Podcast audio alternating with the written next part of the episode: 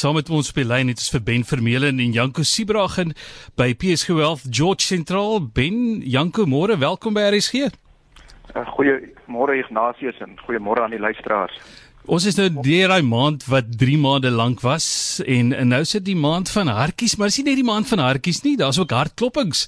Soos baie van hierdie mense hulle finansiële jaar einde in sig staar en Jan Tax kom bakkant hou. En ons gesels nou met julle oor hoe mense die belasting as komponent van finansiële beplanning en die beplanningsproses moet hanteer. Mense is vermoeid en belas.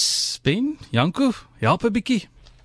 Ja, Ignatius, ehm um, Februarie maand is is einde van die finansiële jaar vir die meeste individue en maatskappye in Suid-Afrika en daar is redelik beplanning wat ons vir kliënte gedurende hierdie maand kan doen om hulle belasting te verminder.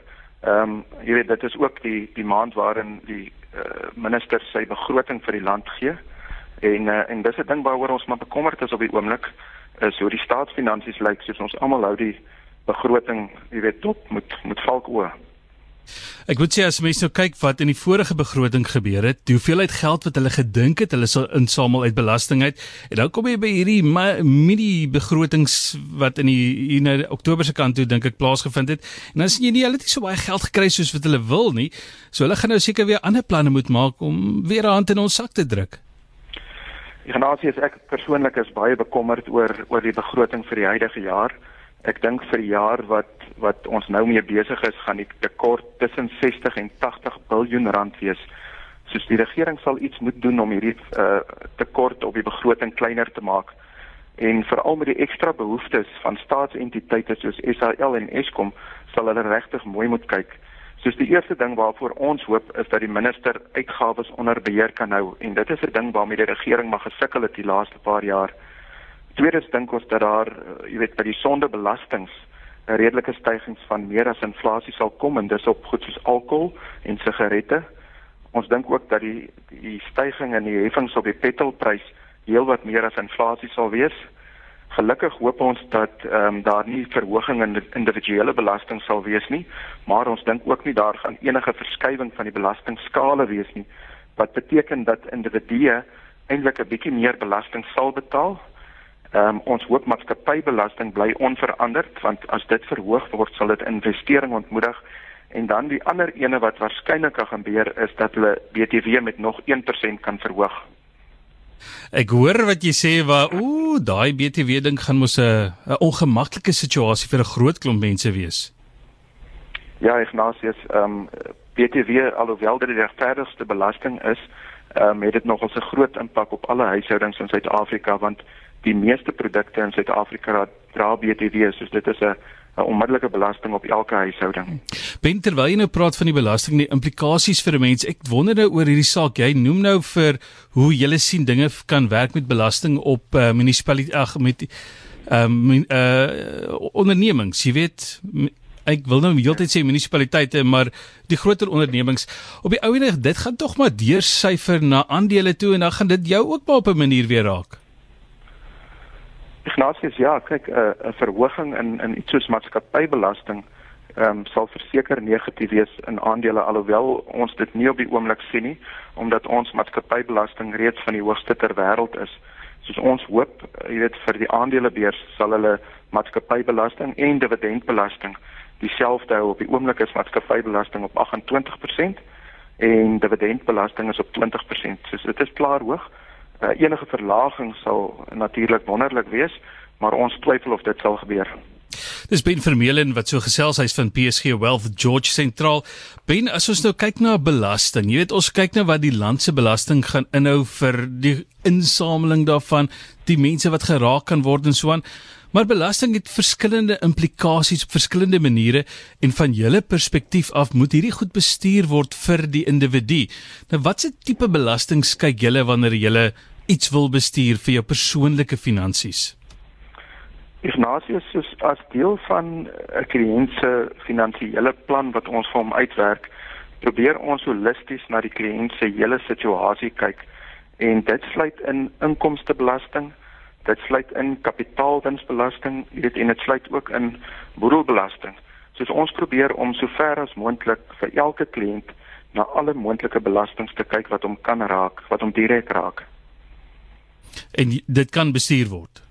Ons kan dit bestuur. Jy weet as as ek vinnig dink aan 'n paar goed wat ons kan doen, weet vir kliënte wat trust het, ehm um, moet hulle seker maak dat hulle elke jaar elke individu sy 100 000 rand per jaar skenk. Want deur dit te doen, spaar jy 20 000 se boedelbelasting per jaar. Dit waar kliënte maatskappye het, is dit 'n goeie voordeel want daar is geen belasting op dividende nie en by individue probeer ons seker maak dat elke individu sy rentekorting van 23800 as hy minder as 65 is of 34000 rand as hy ouer as 64 is benut en ons wil ook hê elke kliënt moet jaarliks sy 40000 kapitaalwinskorting benut. So dit is al die goed waarna ons kyk wanneer ons 'n plan vir kliënte opstel. Jy luister en jy praat van groot bedrag geld wat mense nie noodwendig van bewus is nie. So mense het die hulp van 'n finansiële beplanner soos jy nodig. Ja, uh, weet, weet jy Ignatius, ons geniet dit ook om saam met ouditeure van kliënte te werk om regtig die beste moontlike plan vir 'n kliënt uit te werk in terme van belasting. Want jy weet ons wil nie vir 'n kliënt 'n 8 of 'n 9% opbrengs gee net om weer 30% van daardie geld vir die ontvanger terug te gee wat die kliënt op die einde van die dag los met 'n opbrengs wat nie eens inflasie kan klop nie. Um, dus ons dink dit is ja. baie belangrik. Ek wil net sê hulle sê gee vir die keiser wat die keiser toekom, maar ook nou nie 'n sent meer of 'n sent minder nie. Jy weet, so jy help.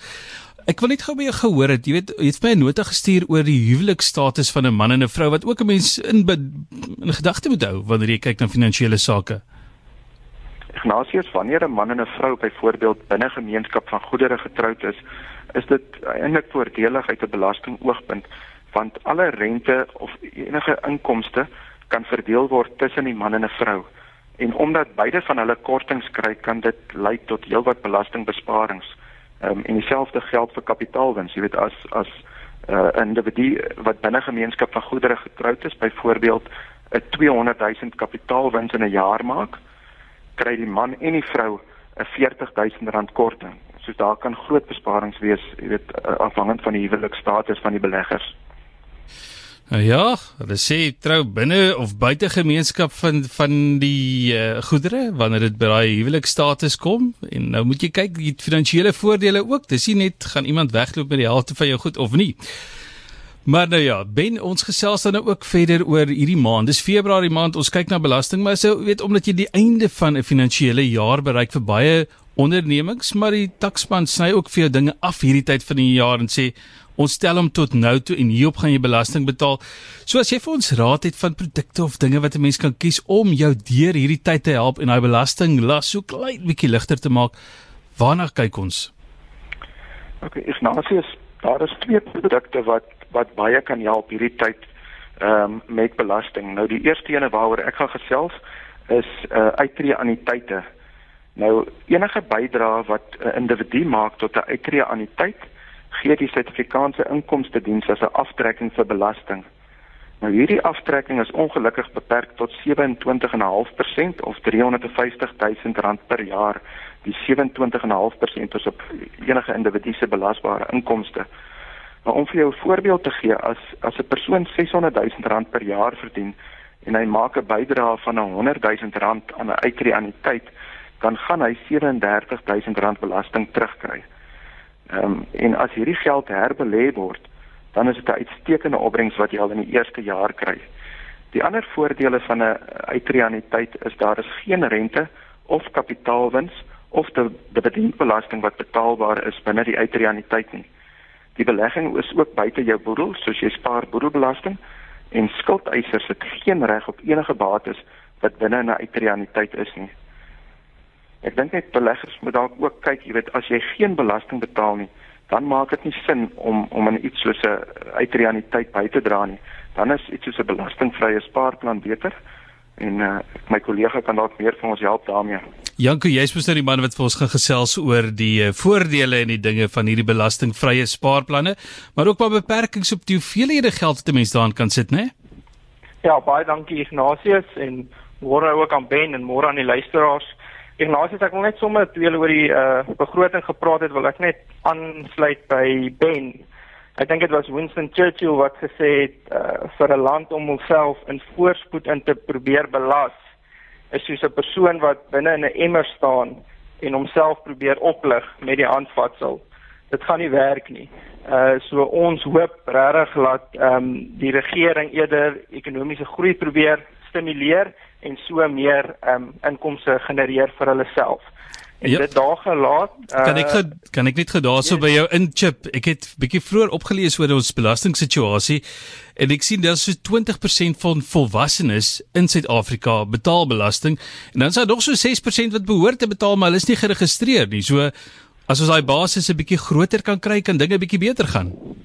Dit is definitief so Ignatius en ehm um, nog 'n ding, ek voel maatskappye is ook onder druk uit 'n winsoogpunt en as hulle nie uh, wins maak nie, betaal hulle minder belasting en Suid-Afrika verloor ook baie professionele mense wat uh, immigreer. So ons hoop regtig dat die dat die regering die regte goed sal doen en die regte geleide sal maak en so ook sal uh, vertroue in boesem in in die regering en so ook ekonomie die ekonomie sal stimuleer om eintlik hulle belastingbasis te verhoog want dit is al manier hoe jy dit gaan regkry. Ja, so as hoor maar wat daar donderdag aand gesê word in breë trekke en dan later die maand dan uh, kan minister van finansies vir ons inligting gee oor die begroting en hoe daai dinge ons nou pertinent gaan raak.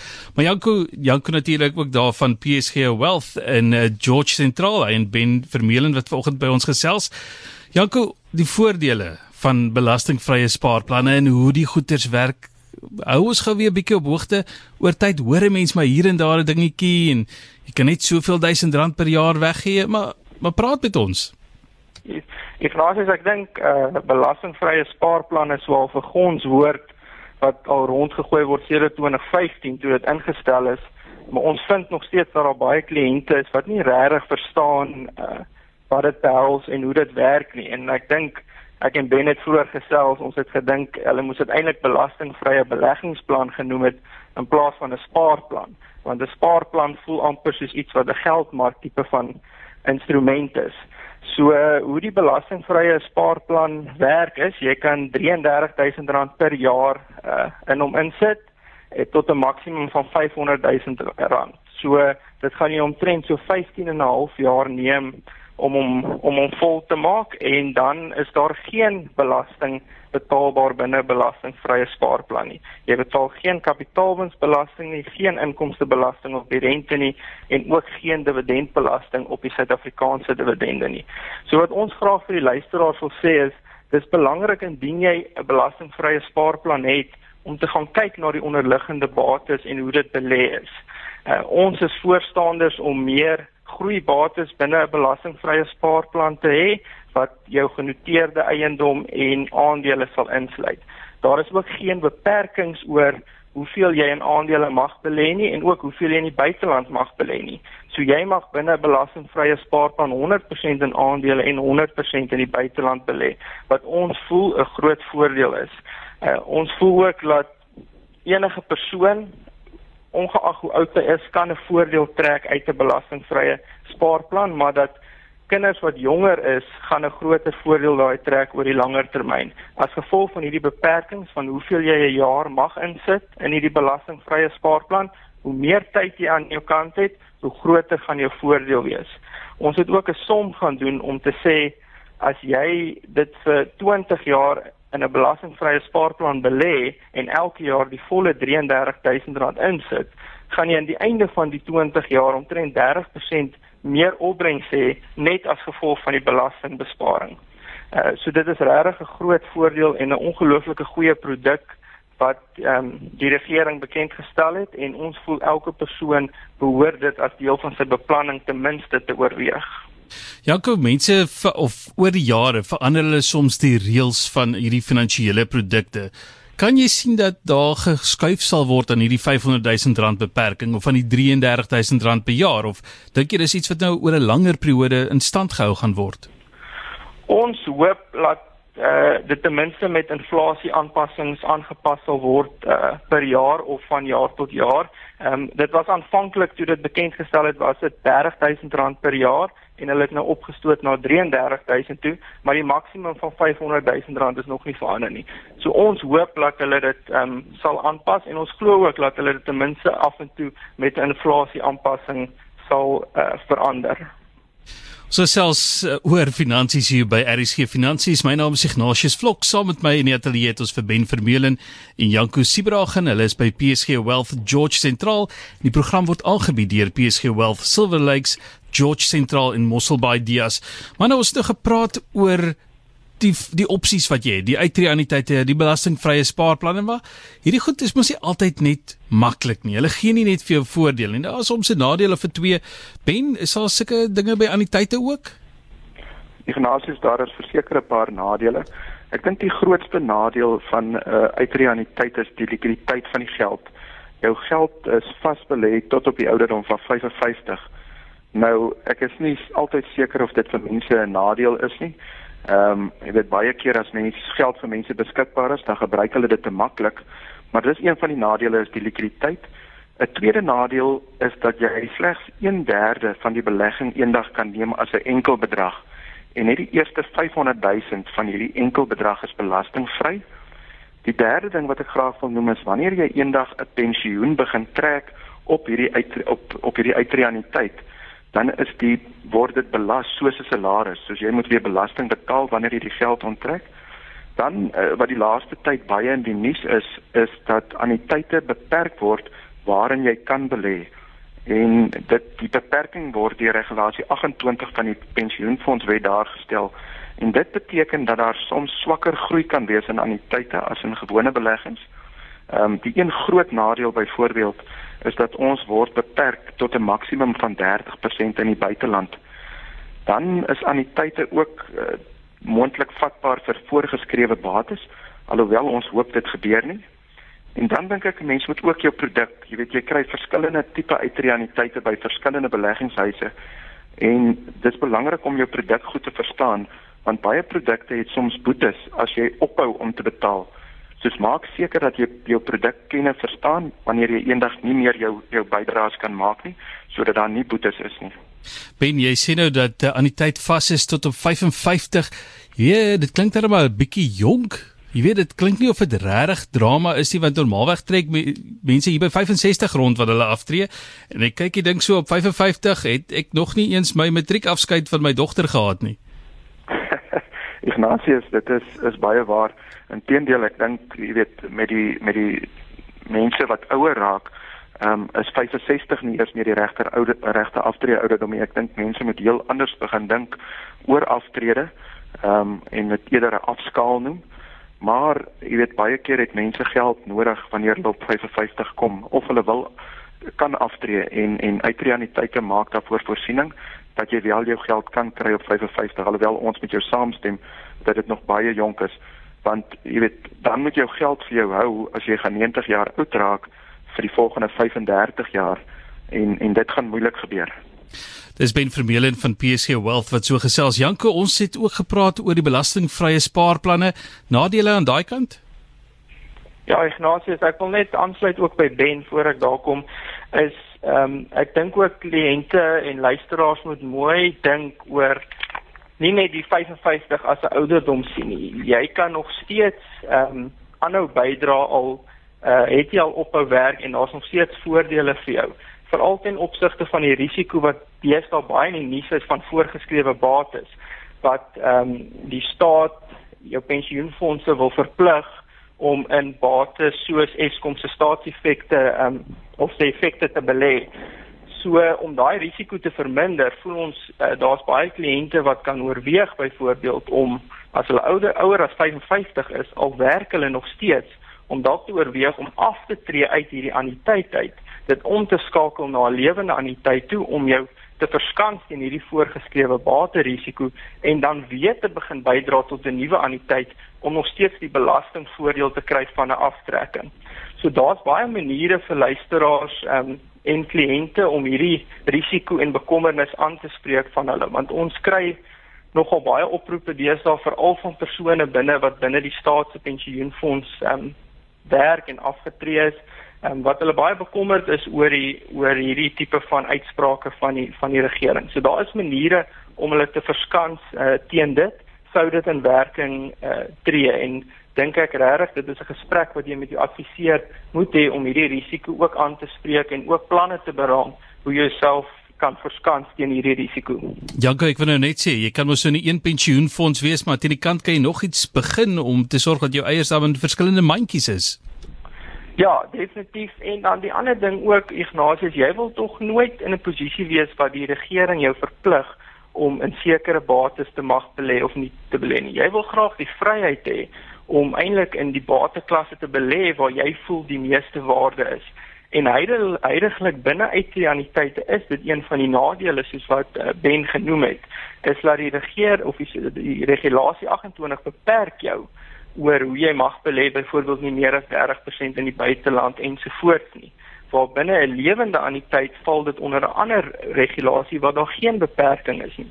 So jy is vry om te belê in enige bateklasse in enige land soos wat jy uh, goed dink. En op die einde van die dag is dit tog jou geld en jy moet die keuse hê om op die regte plekke te te kan belê soos jy goed dink, saam met jou adviseur. Ja, ons gesels nou aan die tye daar, maar ons moet nog kyk na die nadele van jou belastingvrye spaarplanne in so 2-3 minute.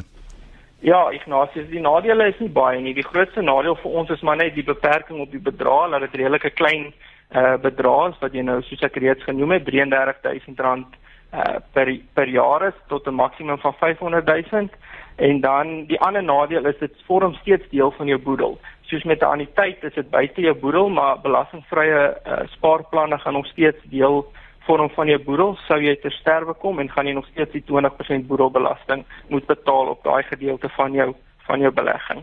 So eintlik sê jy trek hy geldjies voor dit by boedeltyd kom. Net so.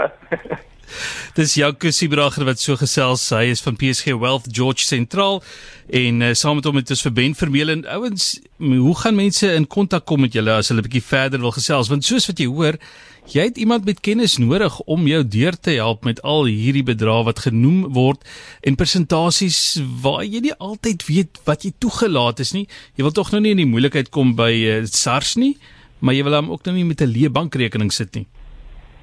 Ignatius luisteraars kan ons enige tyd bel vir advies. Ons nommer is 086 134 8190 of hulle kan vir my 'n e-pos stuur. My e-posadres is ben.vermeulen@psg.co.za. Ben, ons het nou gehoor, mense kan by jou kontak maak. Ons kan net gou vinnig weer deurdraf deur al die goed waar ons gesels het. Ons gepraat oor anniteite. Ons het gepraat van jou belastingvrye spaarplanne. Jy moet nou al twee kyk, al twee is 'n goeie opsie vir jou, maar jou omstandighede verskil mos nou, maar by die tye waar jy moet intree en jou geldjies begin gee, hoe vroeër hoe beter met jou anniteite. Dit weet ek nou al teen hierdie tyd. Ek luister daarom as jy praat. Maar op hierdie stadium is dit ook Valentynsdag wat voor lê. Mense moet daar in die liefde ook belê. So ek hoop dinge is by julle is goed vir Februarie hierdie maand uitgelê aan daai kant en by Taxman. En dan gesels ons weer oor 'n maand te wat met julle en hoor wat julle siening van finansies in Suid-Afrika is. daarmee groet ek julle